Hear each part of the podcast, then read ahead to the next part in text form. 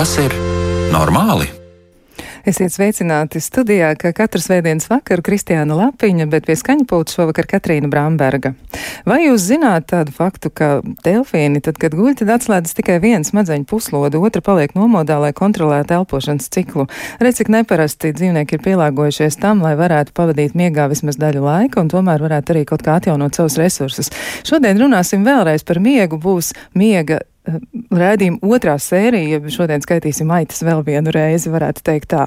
Un klausītājiem atgādināšu, šis ir rēdījums par psihisko veselību un dzīves kvalitāti, un jebkurā veidā mēs varam to mēģināt arī aplūkot, izanalizēt un arī domāt par to, kas tad mums pašiem būtu jānoskaidro vēl par šīm lietām, lai varētu arī būt, nu, iespējami pārliecinātāk par savām izvēlēm un arī veiktu tās pareizes. Un eh, tāpēc arī noteikti varat sūtīt savas idejas, arī jautājumus, varbūt kādus piedāvājumus tematiem uz eh, raidījuma e-pasta adresi, vai tas ir normāli at Latvijas radio.lv, un varat sūtīt arī ziņas Latvijas radio mājaslapā, tur, kur atradīsiet raidījumu, vai tas ir normāli ziņojumu logu. Tā jūs arī varat aktīvi iesaistīties raidījumā un varat noteikti arī uzdot savus jautājumus. Bet eh, šodien atgādināšu, ka mums būs raidījuma viešņa, un tā būs Natālija Bērziņa, ārste psihiatra. Sveicināti! Labvakar! Nu, rekā par miegu mums toreiz saruna sanāca par īsu. Nu, gan drīz kā tas ir ar nakts miegu, ja reizēm cilvēki pamostas no rītiem un saka, nu, pa īsu bija, man vajadzēja vēl maz drusciņu pagulēt. Nu, tā laikam kādreiz arī sanāk, un uh, tiešām mums palika arī diezgan daudz neatbildētu jautājumu tajā reizē, un šodien mēģināsim turpināt sarunu par miegu, miega traucējumiem, miega kvalitāti un arī par visu to, ko mēs varam darīt, lai iespējami miegs būtu labāks. Un uh, es gribētu uzreiz arī atgriezties pie sarunas tādā veidā, ka gribētu jautāt arī, vai ir kādi ieradumi, kas ir nu, tādi, kas traucē labam miegam. Varbūt ir kas tāds, par ko mēs uzreiz varam apdomāties, kas varētu būt maināms, domājot jā, par miegu. Noteikti. Jā, jā, noteikti. Tie ir diezgan daudz, un uh, tas uh, ietilpst arī daļēji miega higiēnā. Uh, Tātad otrādi formulētas, um, formulēti paradumi, piemēram, nu, parasti mēs cenšamies miegu dabūt sev ilgāku, aiziet gulēt ātrāk, gulēt ilgāk, izgulēties brīvdienās, nelikt modinātāju un gulēt, cik mums ir iespējams. Uh, Bet eh, šīs stratēģijas eh, nav produktīvas, jo kā tas ir izpētīts saistībā ar miega fizioloģiju, ja mēs guļam ilgāk vai cenšamies eh, iet gulēt ātrāk, mēs varam sev samazināt miega draivu, jeb miega spiedienu, ja, tātad to, ko mēs krājam dienas laikā. Līdz ar to tas nebūs tik produktīvs, jo, jo šis spiediens nebūs tik liels. Kā arī cilvēki mēdz mēģināt palikt gultā, viss ar, nu, nu, nu, pēc iespējas uh, nekustēties, neatvērt acis, gulēt, gaidīt miegu, censties aizmigt. Bet tas arī savā veidā ir tāda neproduktīva stratēģija, jo uh, bija viens pētījums, kas parādīja to, ja mēs esam gultā un cenšamies aizmigt, tad tas strādā otrādi. Mēs nevaram. Bet, ja mēs esam gultā un vispār nedomājam par miegu, un bija viens pētījums, kad uh, lūdza neaizmigt, ja, nu, kad, kad, lai cilvēks cenšas neaizmigt, tas darbojās interesanti, ka tas bija otrādi. Protams, to nevar generalizēt uz visiem.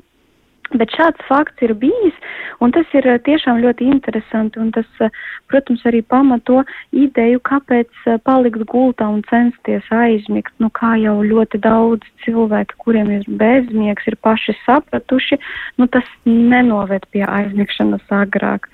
Nu, un, protams, daudz citas lietas, kas ietilpst arī mūsu dzīvesveidā, alkohols vai tāds smags ēdiens vai smēķēšana pirms miega vai uh, darīš, visa darīšana gultā, piemēram, ja, kad mēs gultā lasam, mācamies, strādājam, izmantojam datoru un tad vēl kaut kur pa starpām tam visam mēs tur guļam, um, tad tas arī ir viens no veidiem, kā mēs savās smadzenēs veidojam ļoti uh, uh, miegu neveicinošu asociāciju, ka mums gulta vairs neasociējas ar miegu, bet asociējas ar to, ka mēs visu ko daram tur.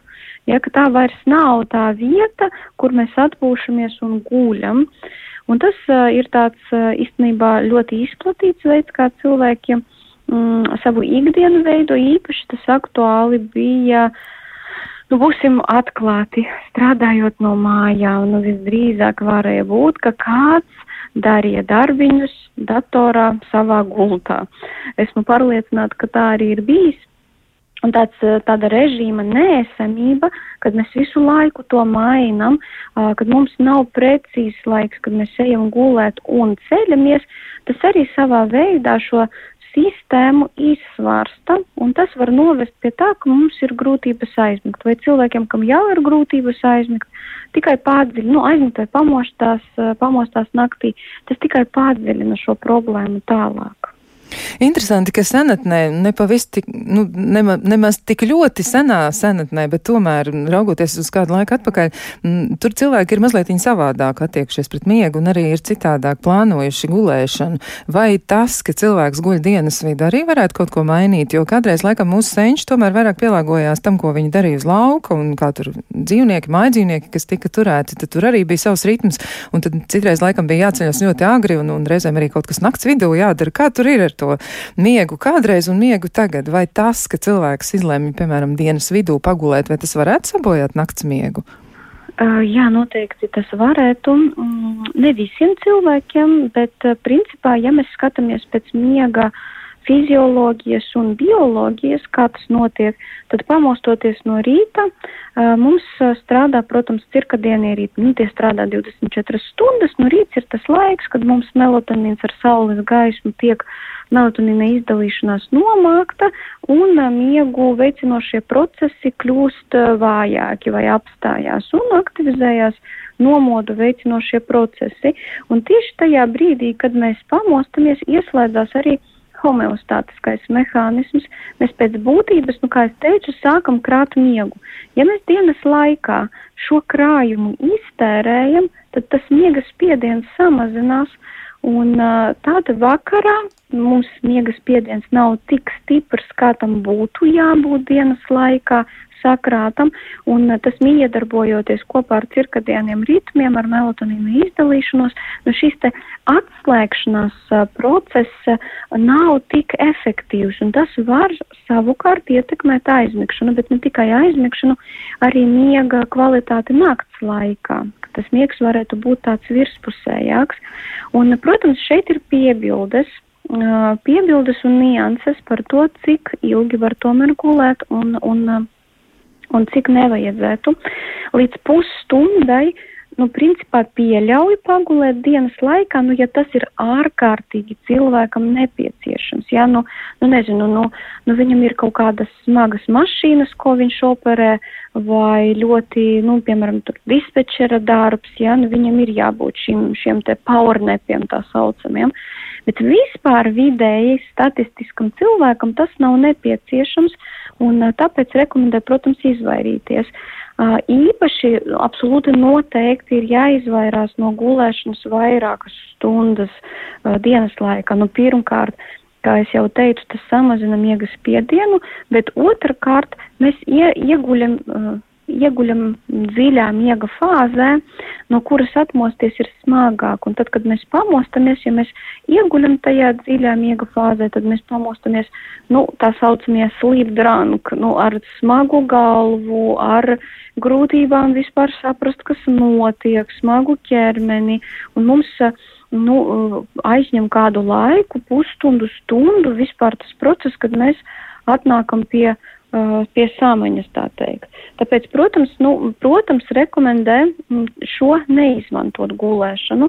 Nu, protams, izņēmums ir cilvēki, kam ir smaga saslimšana vai kuri, um, kuriem ir atlapšanas periods vai infekciozā saslimšana ar intoksikāciju, ja, kad mums ir nepieciešami spēki un slimošana pārēc to, ka, mums, ka mēs varam gulēt dienas laikā, ja tas ir nepieciešams, bet veselam, vidēji statistiskam cilvēkam nevajag vajadzētu gulēt, jo nevelti, ja mēs paskatāmies, kā mainās miega sadalījums, tad no jaundzimušā, kuram ir miega nomoda ritmi, kas mainās ļoti nu, relevanti regulāri, protams, atkarībā no, no jaundzimušā, tad uz uh, 18 gadu vecumu mums pazūd vispār dienas gulēšana. Tas nozīmē, ka tas mums nav nepieciešams. Ja?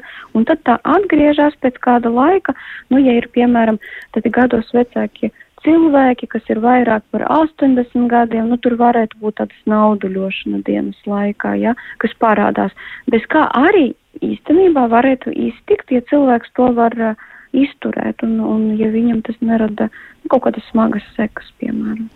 Jā, izrādās ir arī tāds fakts. Es atradu, ka Brītu karēvi ir bijuši pirmie, kur ir izgudrojuši metodi, lai paliktu nomodā 36 stundas, un tad, kad viņi ir noguruši, ir, viņi izmantojuši tādas speciālas brīles, kas eh, simulē gaismu, kas rodas saulē austot, tādējādi pamodinot mm. viņus. Un tāds ļoti interesants paņēmiens, un laikam tas arī mūs ietekmē. Varbūt ir vērts mazliet sīkāk raksturot arī melatonīnu pašu ietekmi, jo citreiz arī ir tāds ieteikums, ka melatonīnu varētu lietot tad, ja īsti neveicis ar aizmigšanu. Varbūt drusciņi sīkāk par to var pastāstīt, kā tas būtu darāms un, un kam to būtu jādara, ja tas vispār tiek izmantots kā paņēmiens, lai uzlabotu miegu? Mm -hmm.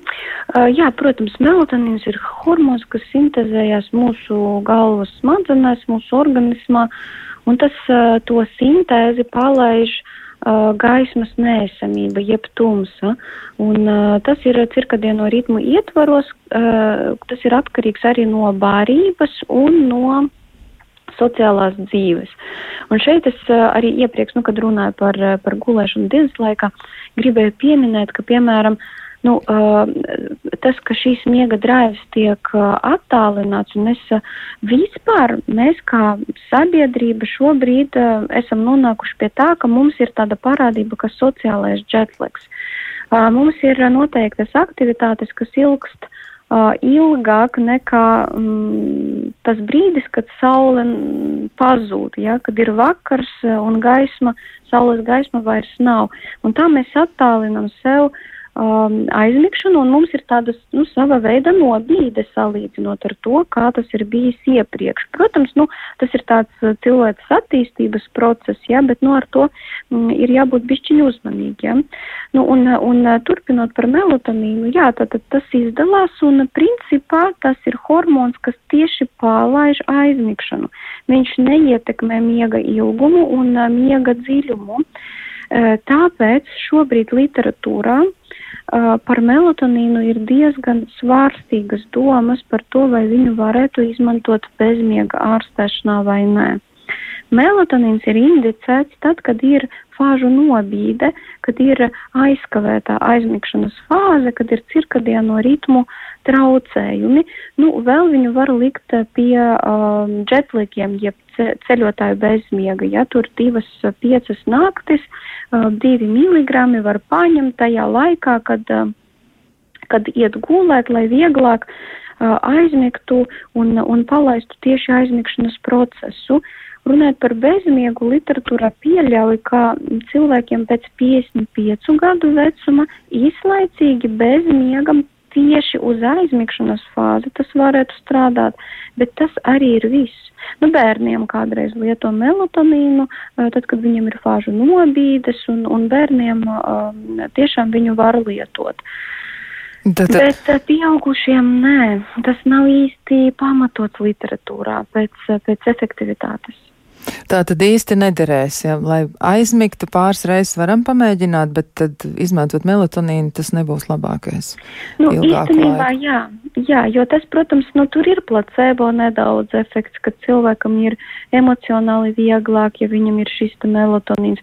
Ir tādi cilvēki, kam subjektīvi uzlabojās aizmigšana, tas tiešām tā ir, bet teiks, ka tas absolūti noteikti objektīvi katram cilvēkam, kam ir grūtības aizmigt, ka mēs to varam jebkurā vecuma lietot, tā īsti literatūrā nu, šādi, šādi dati nav pamatoti.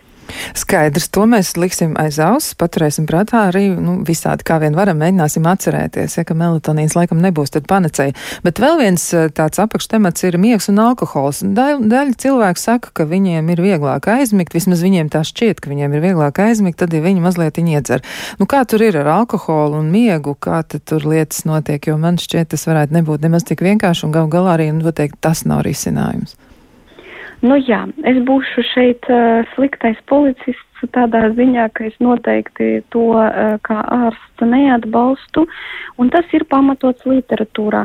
Ja mēs iedzeram uh, alkoholu nelielu devu, uh, tam ir sākotnēji, ņemot vērā intoksikāciju, tāds viegls sedatīvs efekts, ko nu, visdrīzāk katrs cilvēks, kurš alkoholu ir lietojis, nu, kaut kādā brīdī varēja sajust. Bet tāda, nu, tāds interesantākais ir pēc tam. Jo alkohols uh, sabojā un padara ļoti fragmentētu, jeb ļoti tādu dalītu ar īsām pamošanās reizēm rem un dziļo miegu. Tātad miegs ir virspusējs, tas nav viendabīgs un ir daudz pamošanās. Otrakārt, ja pat arī tas ir nedaudz, tomēr tā ir toksiska viela organismu. Tad aknam ir jāpārstrādā nieres, tur ir vispār šokā, kas notiek, un galvas smadzenēm arī ir jāpārstrādā šie te toksiskie produkti, jo, kā ir zināms, alkohols toksiski darbojas uz galvas smadzenēm. Un tāpēc, protams, nu, nav tā, ka maza deva alkoholu tur kaut ko ļoti kriminālu uzreiz cilvēkam nodarīs, bet ilgstoši tādu patarnu tu, paturot, nu tur pirmkārt ir atkarības risks, otrkārt, nu tas tiešām tā uz miegu nedarbojās. Un tie, kas ir uh, lietojuši alkoholu, nu tādos lielākos daudzumos arī varēja redzēt un uz sevi sajust, ka nakts ir tāda, ka no rīta pamostās cilvēks, nu pirmkārt ne, arī no alkohola tāds, teiksim tā, sliktā stāvoklī, bet arī miegs viņam nav labs. Līdz ar to tas tiešām, nu, tas tiešām nav tā vērts un ir ļoti daudz dažādas tehnikas, ko var izmantot bez alkohola. Jā, nu par tehnikām noteikti arī būtu jāparunā, bet varbūt vēl mazliet vēl par miega higiēnu pirms mēs pārējām pie tā, kāda varētu būt tāda nu, praktiski gan vingrinājumi, gan arī dažādi paņēmieni, kā palīdzēt sev aizmigt. Ja mēs domājam par zilo gaismu, vēlreiz atgriežoties pie datora, pie monitora, pie telefona, nu kā tad būtu vislabāk rīkoties? Un vai zilās gaismas ierobežošana arī dienas laikā varētu palīdzēt tiem cilvēkiem, kuri ir, nu, tiešām nomocījušies ar miega traucējumiem? Varbūt sāksim vispirms ar to jautājumu par zilo gaismu vispār, kad tad būtu mm -hmm. pēdējais mirklis, un vai mm -hmm. otrs jautājums tad varētu būt par to, vai tiešām, ja mēs dienas laikā to samazinām, vai tas varētu palīdzēt uzlabot miegu? Mm -hmm. um, zilā gaisma ir jāatslēdz ierīcēs noteikti kādas stundas, pusotru, divas stundas pirms plānota gulētiešanas laika, jo galvas smadzenam ir jāsagatavojās. Uh, tam, ka mums nodzies šī gaisma. Ja kādu tehniku var pārslēgt nakts režīmā, kur būtu nu, tāda sarkanā spektra gaisma vai dzeltenīga, nu, tad to tehniku vēl var nedaudz izmantot, bet vispār tāda unificējama rekomendācija ir par to, ka divas stundas pirms plānota gulētiešanas laikā mums būtu jāatbrīvojās no gadžetiem, no televizora, no kaut kādām planšetēm vai telefoniem un ir jāgatavojas, kā nu, jānomierinās vai jādara kaut kas tāds, kas nav saistīts ar ekrāniem vai vēl jo, pro, jo vairāk ar informācijas plūsmu nevajadzētu aizrauties, jo tur ir tādas abējādas saistības. Jo, ja ir šī zilā gaisma, melatonīns tiek nomākts un mēs nevaram ieslēgt aizmigšanas procesu. Tāpēc nu, kādu pusotru, divas stundas mm, pirms uh, gulētiešanas uh, vajadzētu šo zilo gaismu eliminēt. Un vispār vakarā atnākot mājās, nu tagad būs vasara, tagad ilgāk būs gaiši, uh, gaiši bet uh, tad, kad ir rūdens vai ziema, kad jau atnāk vakarā mājās, nu, teiksim, astoņi, tad jau vajadzētu ieslēgt, paskatīties, padomāt mājās par tādām siltākas spektra, siltāka spektra gaismas lampām mājās, ja jau to visur ieslēgt, nu, un, un pamazām atslēgties no gadžetiem un zilā spektra. Runājot par dienu, nu, respekt, nu, šeit ir tādas, nu, nav pilnīgi tāda simtprocentīga informācija par to, jo, ja mēs rēķinam, ka dienas laikā gaisma un zilais spektrs palīdz mums būt aktīviem un mundriem un krāt miega spiedienu, tad no šī skatu punkta mums nu, nevajadzētu samazināt šo zilo gaismu. Vajag viņu uzsūkt tik, cik viņa ir. Un dabīgi uz vakara pusi, kad samazinās arī tas apgaismojums ārā, tas dabīgi aiziet arī uz uh, mūsu cirkadieniem ritmiem. Tā kā speciāli samazināt nevajadzētu, jo mainīsies mūsu aktivitāte, jo mazāk gaismas, teiksim, nu tādā ziņā, ka mazāk zila spektra gaismas, jo mazāka ir mūsu aktivitāte arī, jo no tā ir atkarīgi arī citi procesi, kas notiek uh, organismā. Es domāju, ne no gaismas, bet no cirkadieniem ritmiem kas strādā saistībā ar gaismu tajā skaitā. Cik interesanti tas varētu arī izskaidrot to, ka daļa cilvēku, tad, kad ir gaišāks un kad ir vasara, vasaras sezona tieši, viņi saka, ka viņi guļ labāk. Varbūt tieši tā iemesla dēļ, ka viņi ir aktīvāki, viņi arī uztur sārā un pēc tam viņiem savukārt ir resursi, kas palīdz gulēt. Vai tā varētu būt? Jā. Jā, es šeit piekritīšu, jo tā ir vasara, mēs esam aktīvāki, mēs kaut kur braucam, kaut kur ejam, skrituļi, uh, skrituļi vai kaut kādi dēļi, velosipēdi, uh, gaisma dienas laikā ļoti daudz. Tas ir ļoti vērtīgi. Es šeit piekrītu, ka tas uh, noteikti varētu būt saistīts ar to, ka ir uh, vieglāk arī aizņemt, mēs arī fiziski sevi nodarbinam. Nu, rekā, tā tad jābūt aktīviem. Vēl ir jautājums arī no klausītājiem par to, vai tā ir vecuma slimība, nu, bezmiegs, ja tā tad varētu būt bezmiegs vai miega traucējumi, vai tas varētu būt saistīts ar vecumu? Vai... Nē, Nē, bezmiegs eh, nav uh, tikai vecumam raksturīgs, un es atceros uh, vienu profesoru uh, konferencē, kas uh, bija nesen, kurš uh, stāstīja, ka absolūti noteikti cilvēki, uh, gados vecāki cilvēki, viņa Viņa miegs var nedaudz mainīties, bet tas nenozīmē, ka viņiem visiem obligāti ir jābūt bezmiegam, vai ka tas ir tā kā daļa no novecošanas procesa. Tas tā nav. Bezmiegs ir atsevišķa saslimšana, kas var būt cilvēkam pusmūžā, varbūt pusauģa periodā un varbūt arī gados vecākiem cilvēkiem. Tā kā noteikti nē. Uz vecumu mums ir tā, ka mums bišku varbūt mazāk tās stundas miega ir, um, tāda mazāk dziļā miega, um, ir, ir snauduļošana, var iet gulēt ātrāk, celties ātrāk, ja nu tāda fāžu nobīda uz priekšu. Tā kā, kad aiziet gulēt agrāk. Bet tas nav tas pats, kas bezmiegs, un noteikti tas, tas nav obligāti saistīts ar to. Tas ir ļoti labs jautājums. Jā, jo ir tāds pieņēmums, ka tas varētu būt saistīts ar vecumu, un tad arī ir tā, ka pat tiešām grūti pat pateikt, no kurienes tas nāk, laikam ir tomēr kaut kur, nu kāds ceļš jau ir, kā tas ir mūsu atradzis šis pieņēmums vai šis stereotips par to, ka cilvēki, kur ir gados, ka viņiem vairāk ir miega problēma. Tomēr laikam taču tā nav. Bet eh, vēl viens jautājums arī par to, vai miega traucējumi varētu būt uztveram kā simptoms arī kādām citām slimībām, jo dati ir tādi, ka tiešām diezgan daudzas, gan iekšķīgās, gan arī neiroloģiskas saslimšanas varētu būt saistīts ar, ar miega traucējumiem, bet noteikti arī kaut kas, kas ir saistīts ar psihisko stāvokli, psihisko veselību. Varbūt jūs varētu arī raksturot, nu, kur biežāk miega traucējumus mēs sastopam un, un par ko tad tie vairāk stāsta. Jā, tas ir ļoti interesanti. Agrāk bezmiegs, nu, teiksim tā miega traucējumi kā bezmiegs, bija uzskatīti kā um, psihisko vai somatisko saslimšanu simptoms. Nu, tad viņu atdalīja atsevišķi, bet tagad arvien vairāk runā par to, ka bezmiegs arvien biežāk ir tāda atsevišķa diagnostiskā vienība, respektīvi atsevišķa saslimšana, kas var pastāvēt, teiksim, līdz pastāvēt ar citām saslimšanām, bet ne obligāti ir simptoms. Bet, protams, absolūti noteikti jums ir taisnība, ka ir saslimšanas, kas ir saistītas ar tādiem simptomiem kā grūtības aizmigt vai pamošanās naktī vai pamošanās agrāk no rīta. Ja mēs runājam par psihiskām saslimšanām, tad visbiežāk, protams, depresija, un ja mēs zinām depresijas kritērijus, viens no tiem ir pamošanās agrāk, miega traucējumi, ilgāka gulēšana, jeb miegainība dienas laikā arī un grūtības aizmigt pamošanās naktī. Ja? Tātad tie visi ir simptomi. Pie uh, depresijas trauksmes spektra traucējumi ir saistīti ar um, bezmiega simptomiem vai sliktu gulēšanu. Pānikas, piemēram, ja no trauksmes spektra vai ģeneralizētā trauksme, kad eh, cilvēks uztraucās par daudz dažādām lietām, praktiski par jebko, ka kaut kas var nākt slikts, nu, un tam, protams, klāt ir fiziskie simptomi.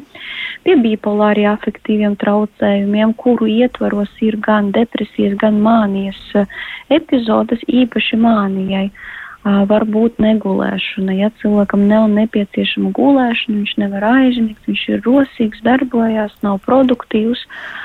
Nu, un pie posttraumatiskā stresa sindroma mēs novērojam gan, gan nakts uh, mūrgus, varam novērot uh, grūtības aizmigt, arī naktī flashbackus, jeb uh, tā saucamās atmiņas par traumatiskiem notikumiem, kas pēkšņi mm, parādās un šizofrēnijas spektra traucējumiem, tad, kad nāk psihoze, piemēram, kad nu, vat, pēc kāda laiciņa būs aktualizējušās halucinācijas vai murgu idejas īstenībā, kas, kas neatbilst īstenībai, tad cilvēkam arī varētu būt pirms tam patraucēts miegs, kas arī var būt kā provocēja faktors. Uh, provocējošais faktors, bet arī varbūt kā simptoms jau pašas psihozes ietveros.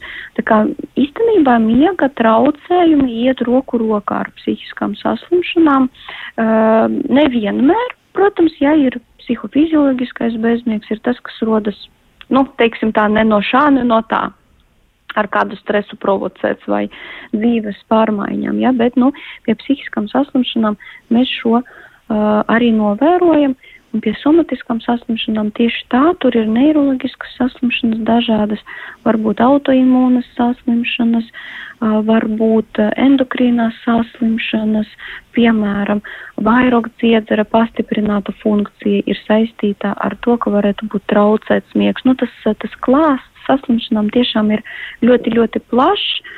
Un, un svarīgi ir saprast, vai kaut kādas tādas sūdzības par somatisko veselību cilvēkam ir klāt. Un tad atbilstoši izvēlēties taktiku, iet pie ārsta, izslēgt kādu somatisku patoloģiju, psihisku patoloģiju un, un tad skatīties, ko tālāk ar to var darīt. Tas tiešām ir svarīgi. Jā, nu tā tad gan tā, gan tā var būt. Nu, mums, Jā. mums vēl ir diezgan daudz ko pētīt eh, par miegu, miega traucējumiem un arī par dažādām nu, citām tehnikām, varbūt, ko mēs varam mm, apgūt un iemācīties, lai palīdzētu vēl gulēt labāk. Bet par to visu mēs turpināsim sarunu pēc ļoti īsa brīža.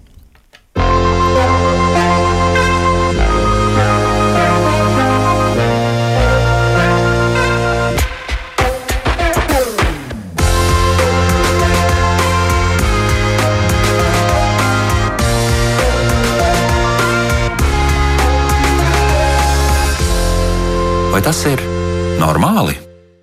Jā, šodien mēs jautājam, vai tas ir normāli, ka es nevaru aizmigt vai nevaru pamosties vai pamostos nakts vidū. Šodien runājam par miega traucējumiem, arī par mūsu ieradumiem, par dažādām izpausmēm miega traucējumiem un arī par to runāsim tūliņ jau, kā varētu miega traucējumus mazināt un arī ārstēt. Un atgādināšu arī, ka mūsu raidījuma viešņa ir Natālija Bērziņa, ārste psihiatri, kuras sniedz ieskatu dažādos rakursos, ja mēģina paskatīties uz miega traucējumiem ļoti dažādos veidos. Un vēl arī gribu atgādināt klausītājiem, jūs noteikti varat sūtīt savus jautājumus jautājums eh, saistībā ar miegu, miega traucējumiem, varbūt arī par kaut kādām citām lietām vēl gribat aprunāties saistībā tieši ar miegu. Un eh, noteikti to jūs varat darīt, eh, sūtot jautājumus uz e-pastu, vai tas ir normāli, at Latvijas radio.lv un varat izmantot arī ziņojumu logu, um, atverot Latvijas sabiedrisko mēdīju mājaslapu, un tur var atrast Latvijas radio raidījumus, un, un varat arī darīt tā, ka jūs uzreiz meklējat Latvijas radio viens internetā, nu, un tad jau nebūs grūti tālāk atrast. Bet um, vēl man jautājums arī tāds, ir tā, ka miega traucējumi varētu būt arī tādi gandrīz nepamanāmi. Nu, tiešām cilvēks pamost uz ļoti īsu brīdi, nakts vidū, un izrādās arī, ka ja tas ir ilgāk kā 5 minūtes, tad arī varētu teikt, ka tie ir miega traucējumi. Nu, kā tad ir? Kurā brīdī mums jāsāk raizēties? Ir? Jā, principā mēs naktī pamostamies uh, kādas trīs reizes, līdz piecām, desmit minūtēm mēs varam pamosties. Parasti tas ir sekundes. Uh, Bet, ja ir līdz 5, nu, teiksim, tās 5 minūtes un ilgāk, un pēc tam tikai cilvēks aizmieg, vai tas uh, prasa kādu noteiktu laiku ilgāku, lai aizmigtu, tad tas ir uh, noteikti simptoms, ko mēs nu varam novērot tālāk. Lai runātu par to, ka tie jau ir traucējumi, nu visbiežāk bezmiegs, tad tam mums ir nepieciešami tomēr kritēriji, tādām ir jābūt uh, vismaz trim naktīm, un, nu, un atkarībā no klasifikācijas vienu vai uh, līdz trim mēnešiem. Tas būtu akūts bezmiegs, ja cilvēks trīs naktis nedēļā, katru nedēļu, vienu mēnesi pamostās vairākas reizes naktī un nespēja ilgāk par uh, nu, 20 minūtēm, 20-30 minūtēm uh, aizmigt, un tas plus ietekmē viņa nākamās dienas funkcionēšanu.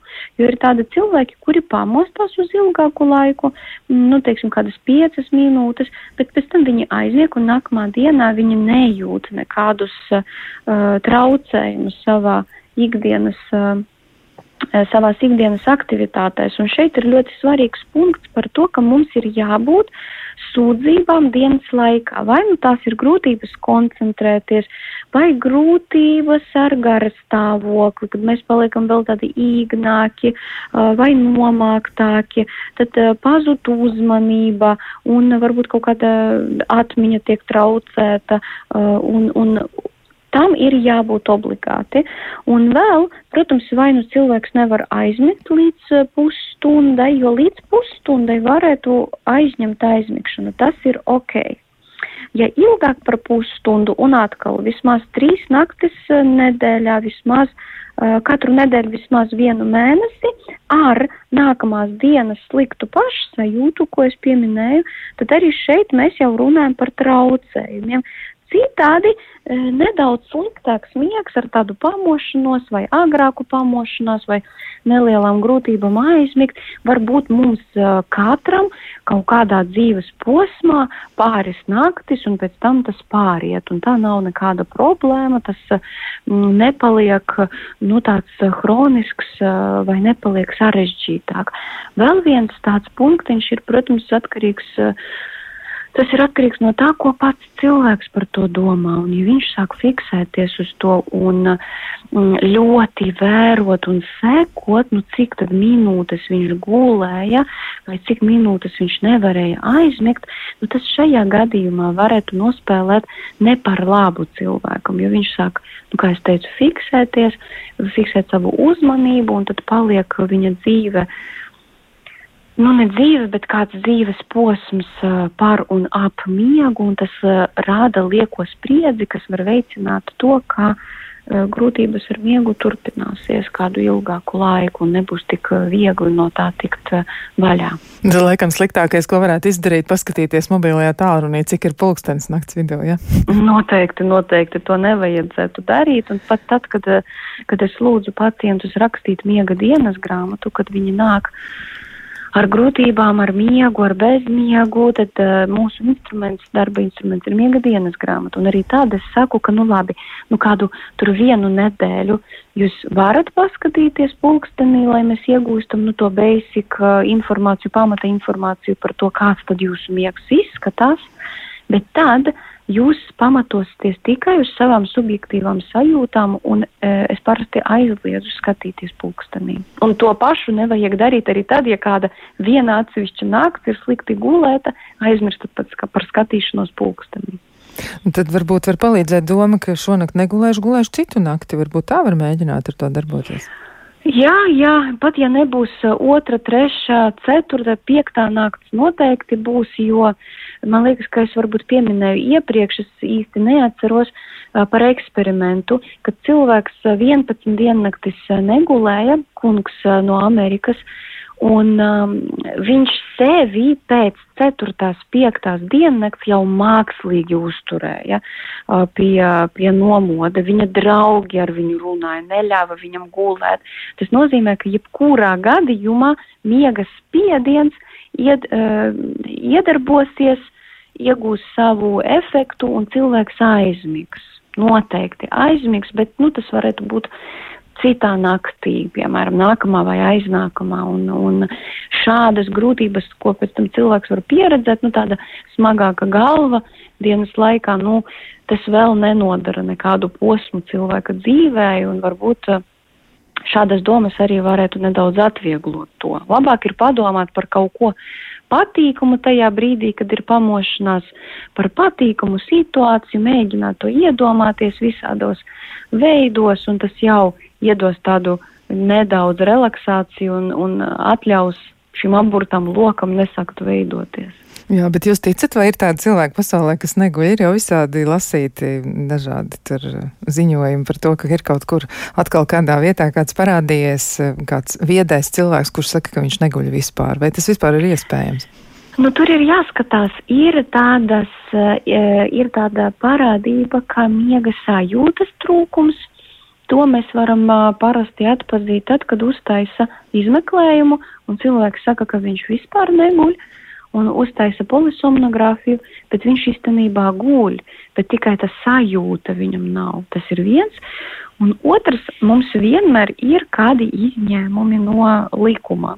Tātad vienmēr būs kādi dropauti, tātad kaut kādi gadījumi, kad cilvēkam var būt tiešām ekstrēmie varianti, bet viņam konkrēti vienam pašam kā individam varbūt tas nebūs saistīts ar kādām uh, grūtībām viņa vispārējā veselībā. Ja? Bet eh, es to uzskatītu par izņēmuma gadījumiem, nevis kā likumu, ko mēs tagad visi mēģināsim darīt, jo ar bioloģiju nevar pastrīdēties, kas šobrīd ir izpētīta. Un tā runā par to, ka nu, mums ir jāguļ un, un ir jāguļ naktī. Jā, nu tā tad bioloģija tomēr būs stiprāka par mums, bet tad eh, jautājums par eh, miega sajūtas trūkumu. Vai varētu tā būt, ka tie cilvēki, kuri domā, ka viņiem ir vai nu bezmiegs vai miega traucējumi, kā viņi paši to apraksta, ļoti dažādi droši vien viņi to izjūt, eh, vai arī neizjūt to izgulēšanos, kā tas varētu būt pārbaudāms, kādas tad metodas tiek lietotas, lai noskaidrotu precīzi, kāds tieši miega traucējums ir, jo var jau gadīties arī, ka cilvēks guļ, bet viņam pašam ir tāda sajūta, nu, ka īsti nav. Mm, tas miegs pietiekam daudz, un viņš varbūt arī dzīvo tādās domās, ka viņam tā miega kvalitāte nekam nedara. Kā var to precizēt? Kā notiek tieši miega, miega izmeklēšana, miega stāvokļu fiksēšana? Mm -hmm, jā, viens ir, ka var paskatīties tādu vieglāku variantu aktigrāfiju, bet tā nav baigi precīza. Tā mēra kustības, var mērīt asins uh, piedošana neasins, bet sirds, sirds darbību, bet tā neparādīs to, kā cilvēks pāriet no fāzes fāzē. Un visprecīzākais šobrīd zelta standarts, kur ar encefalogrammas, elektroencefalogrammas, jeb smadziņu elektriskās aktivitātes pierakstu, izpēta un parāda, kā, kāda ir miega struktūra. Ja tā ir polisomnogrāfija vai poligrāfija, uh, Un um, uh, tad tur ir ļoti daudz dažādi, um, dažādas mazās ierīces, ko liek uz galvas, uz krūškurvi, uh, uz pirkstu, pulsa oksimetru mērīt arī, nu, un uh, reģistrē smadzeņu aktivitāti un citas ķermeņa funkcijas, kas ir saistītas ar noteiktam arī izmaiņām saistībā ar miega fāzēm, ja, bet nu, tas, ko mēs iegūstam, tajā elektroencefalogrammā mēs redzam, uh, miega fāžu maiņu, kā cilvēks pāriet no kādas fāzes, cik viņam vidēji bija procents katrā miega fāzē un vai tas atbilst viņa vecuma normām. Ja? Tā kā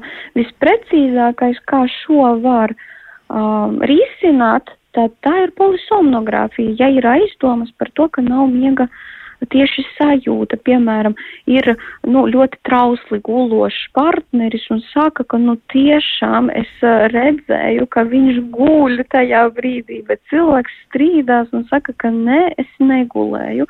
Nu, tas ir tas variants, mēs, kad mēs tomēr varētu taisīt polisomnogrāfiju un skatīties, nu kā tiešām cilvēks guļ un kā viņa smadzenes strādā, kādas ir elektriskās aktivitātes pārmaiņas saistībā ar miega fāzēm. Un tur mēs varam iegūt to informāciju.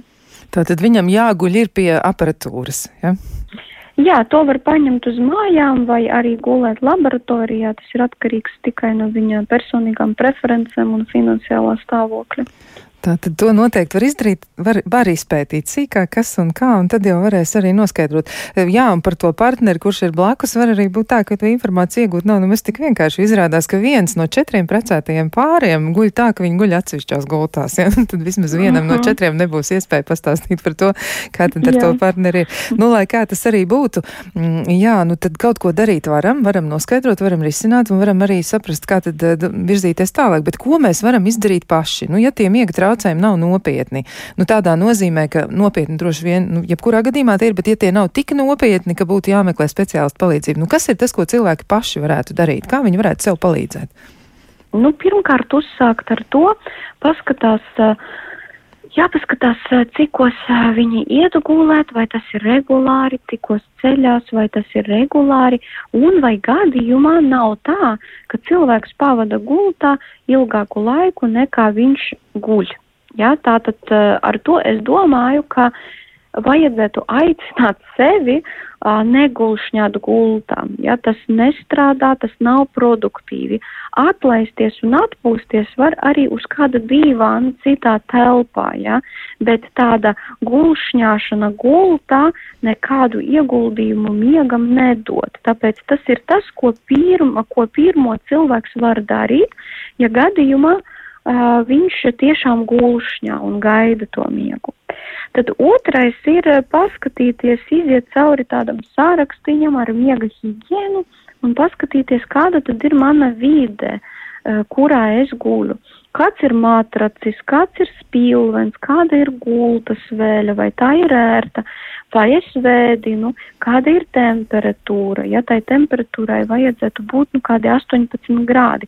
Ir uh, izkliede no 15 līdz 21 grāda, tur, protams, ir individuālās tādas uh, variācijas, bet galvenais ir, lai tā temperatūra ir tāda zemāka, komfortabla, bet zemāka, jo tas uh, atvieglo aizmigšanu.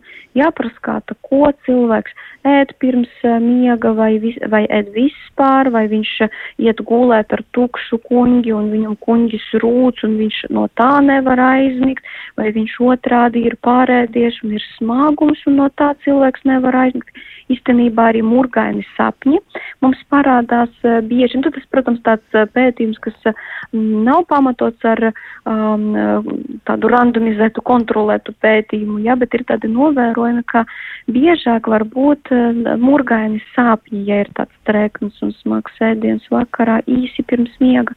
Tad fiziskās aktivitātes dienas laikā, kam ir jābūt, ja, jāmēģina izvairīties no smagas aerobās slodzes īsi pirms aizmigšanas. Tur vajadzētu kādas nu, stundas, divas, trīs, lai mēs paspētu tā teikt nomierināt organismu un uh, atdziest. Tad ir jāskatās, protams, arī gadžeti, ko es daru gultā, ko es nedaru gultā, kā es gatavojos miegam, vai man ir tāda mierīgāka vīde, varbūt man ir iespēja uh, ieslēgt kādu patīkamu mūziku vai izveidot savu rituālu, ka, piemēram, pirms miega es tur pustasīti siltas patīkamas tējas iedzeršu, tad iešu tādā vieglā pusstundiņas ļoti lēnā pastaigā apkārt mājai, tad pasēdēšu ar mīļajiem un, un tā teikt, nu, nopaļošu vai tā kā beigšu to dienu, neņemšu raizes gultā. Uh, vai es varu uzrakstīt kādu arī dienas grāmatu par to, ja ir tāda vēlme, kas ir bijis, vai es varu atskatīties un otrādi nofokusēties par to, kas ir bijis labs tajā dienā. Nu, tā teikt, sagatavoties miegam, jo ikdienas steigā mums tas viss liekas nesvarīgi, bet tādi, tādas mazas lietas viņas var palīdzēt. Protams, miega higiēna tā nav panacēja. Miega higiēna tas ir basic, vispār pamata lietas, kam ir jābūt uh, cilvēka dzīvē, un tad, ja rodas uh, jau nopietnāki traucējumi ar miegu, tad ieslēdzās citas tehnikas, kas ļauj pirmkārt mēs pārskatām to miega dienas grāmatu, piedošanu miega higienu, vai tur var kaut ko darīt vēl papildus, un tad ieslēdzās citi uh, procesi, ko mēs darām, ierobežojam miegu vai ļaujam un lūdzam cilvēkam negulšņāt. Un, un ļaujam viņam nakts vidū iet prom no gultas citā telpā. Vēl pirms ķerties pie tā, vajadzētu pārskatīt visu miega higienu. Arī labāk ir, ja no rīta ir iespēja, ka tad, kad jūs pamostaties, ka jums gais, gaisma spīd logos, ja saules gaisma, tad ir vieglāk atmosties. Un, un, ja ir modinātais kaut kur tālu, labāk, protams, viņu neatlikt un celties ar pirmo modinātāju. Kā arī brīvdienās, ja ir konkrēts laiks, kurā es ceļos, nu, tam būtu jābūt tādam arī brīvdienās, atļauj tomēr tādi sirsnīgāki ārsti un zinātnieki pagulēt ilgāk, nu kādu nu, vienu stundiņu varbūt brīvdienās, ja, bet baigi neaizrauties ar gulēšanu līdz pēcpusdienai, ja, jo tas atkal sabojās to režīmu, ko ar tādām mokām cilvēks nedēļas laikā ir sev izveidojis. Jā, nu runājot starp citu par tēju un uh, vispār par to, ko varētu dzert vakarā. Kas ir tas, kas palīdz aizmigt, jo tējas jau ir dažādas un ir arī nu, daudz līdzekļu, ko cilvēki reizēm iesaka viens otram. Kas būtu tas labākais? Vai arī varbūt nu, ir kāds ieteikums, no kā noteikti ir jāizvairās? Nu jā, noteikti ir jāizvairās no alkohola, lai kā arī cilvēki viens otram to neieteiktu. Noteikti no tā būtu jāizvairās.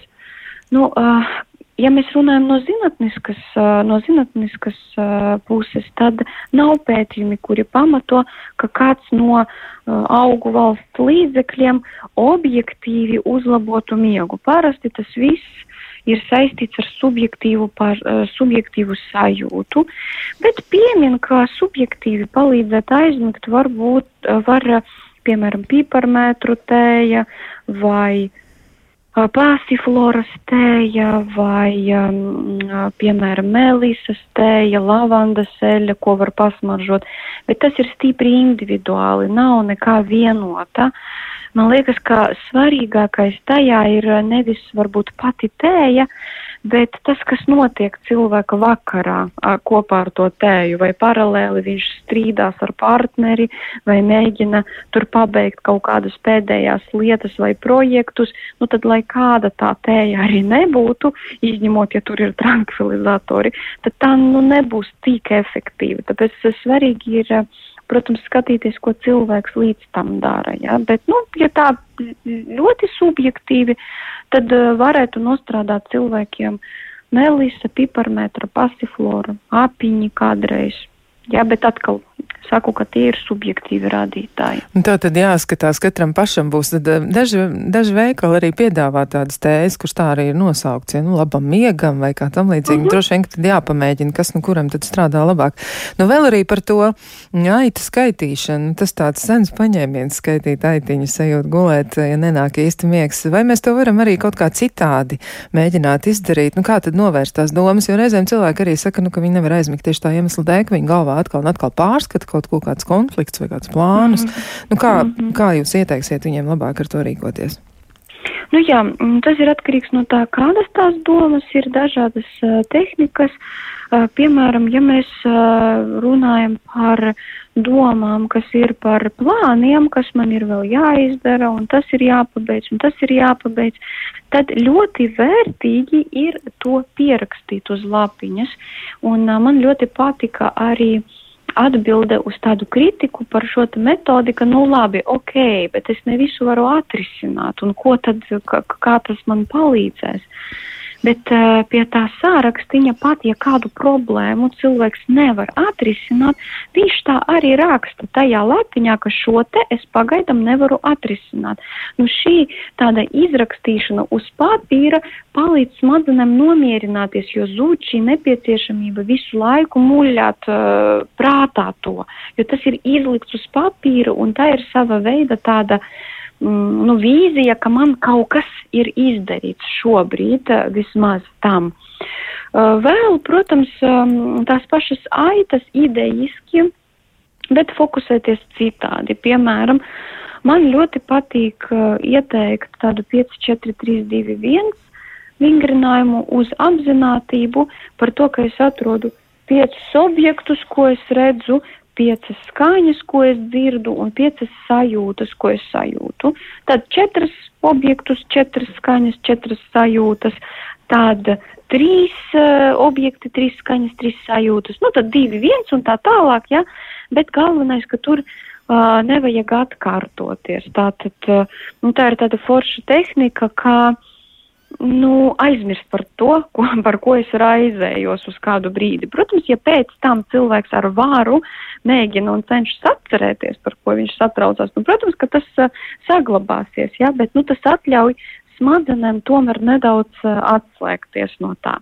Nu, un, uh, protams, uh, ja kādam patīk meditācijas vai kādi apzinātības, citi apzinātības vingrinājumi, ja vienu es jau pieminēju, man arī diezgan labas atsaucas ir no pacientiem par to, ka ir jāiedomājās kaut kāda patīkama vieta vai patīkama atmiņa, jāatcerās ar visām reprezentācijām, ko es dzirdēju, ko es jūtu, ko es saklausīju, kāda bija smārša tajā brīdī.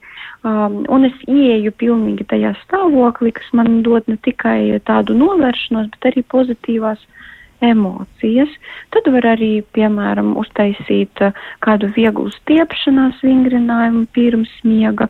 Tas arī sava veida neiromuskulārā saikne strādā, un tomēr arī tāds muskuļu saspringzinājums un atslābums vai stiepšana uh, var mums palīdzēt sakārtot nedaudz arī domāšanu. Nu, un, protams, Es ieteiktu raizes, kas nāk prātā, tiešām pierakstīt, un eh, tad tās raizes var pārskatīt, cik tās raizes tiešām ir pamatotas un ar kādu es varu strādāt, ar kādu nē. Bet tas jau ir tāds psihoterapeitiskais vairāk darbs, nu, ko būtu vēlams darīt kopā ar speciālistu, bet sagatavoties tam var. Nu, un, piemēram, ja ir raizes vai bāžas, kas ir sakrājušās pa dienu, vai, piemēram, konflikts, kā jūs pieminējāt, ko uh, um, cilvēks cenšas vai nu risināt, vai atkārto savā prātā. Tad arī šajā gadījumā var, piemēram, izdalīt kādu laiciņu. Nu, piemēram, es tagad saku, ka es septiņos vakarā man ir pusstunda, kad es raizējos, raizējos, raizējos, un es sev ļauju raizēties. Bet pēc tam, tad viss, jo man šis laiks ir bijis. Ja? Nu, tādi triki ir diezgan daudz ko var izmantot. Es jā. nezinu, vai es labi, labi atbildēju. Man liekas, ka lieliski, jā, jo mums pamazām arī tuvojas sarunas beigas un izskatās, ka tā saites katram jau būs pašam arī jāskaita arī šajā vakarā un arī turpmāk uz priekšu, bet ļoti daudz vērtīgu padomu, vērtīgu ieteikumu un arī droši vien ir par ko apdomāties katram no klausītājiem. Bet, nu, jā, šajā brīdī mums jābeidz saruna un es gribu teikt paldies Natālijai Bērziņai, ārstē psihiatrē par ļoti daudziem jaukiem ieteikumiem un arī klausītājiem gribu teikt, ka jūs varat noteikti arī vēlreiz klausīties šo raidījumu atkārtojumā un arī varat apdomāties paši par to, kā tad ir ar jūsu miegu. Bet eh, mēs ar jums satiksimies vēl pēc nedēļas, un tad jau mēs varēsim runāt atkal par citiem dažādiem jautājumiem un atkal jau uzdot savu ierasto jautājumu, vai tas ir normāli, runājot jau par kādu citu tematu. Lai jums ir tiešām jauka nedēļa, ar jums kopā bija Kristiāna Lapiņa, bet pie skaņu pults bija Katrīna Bramberga. Lai labs vakars!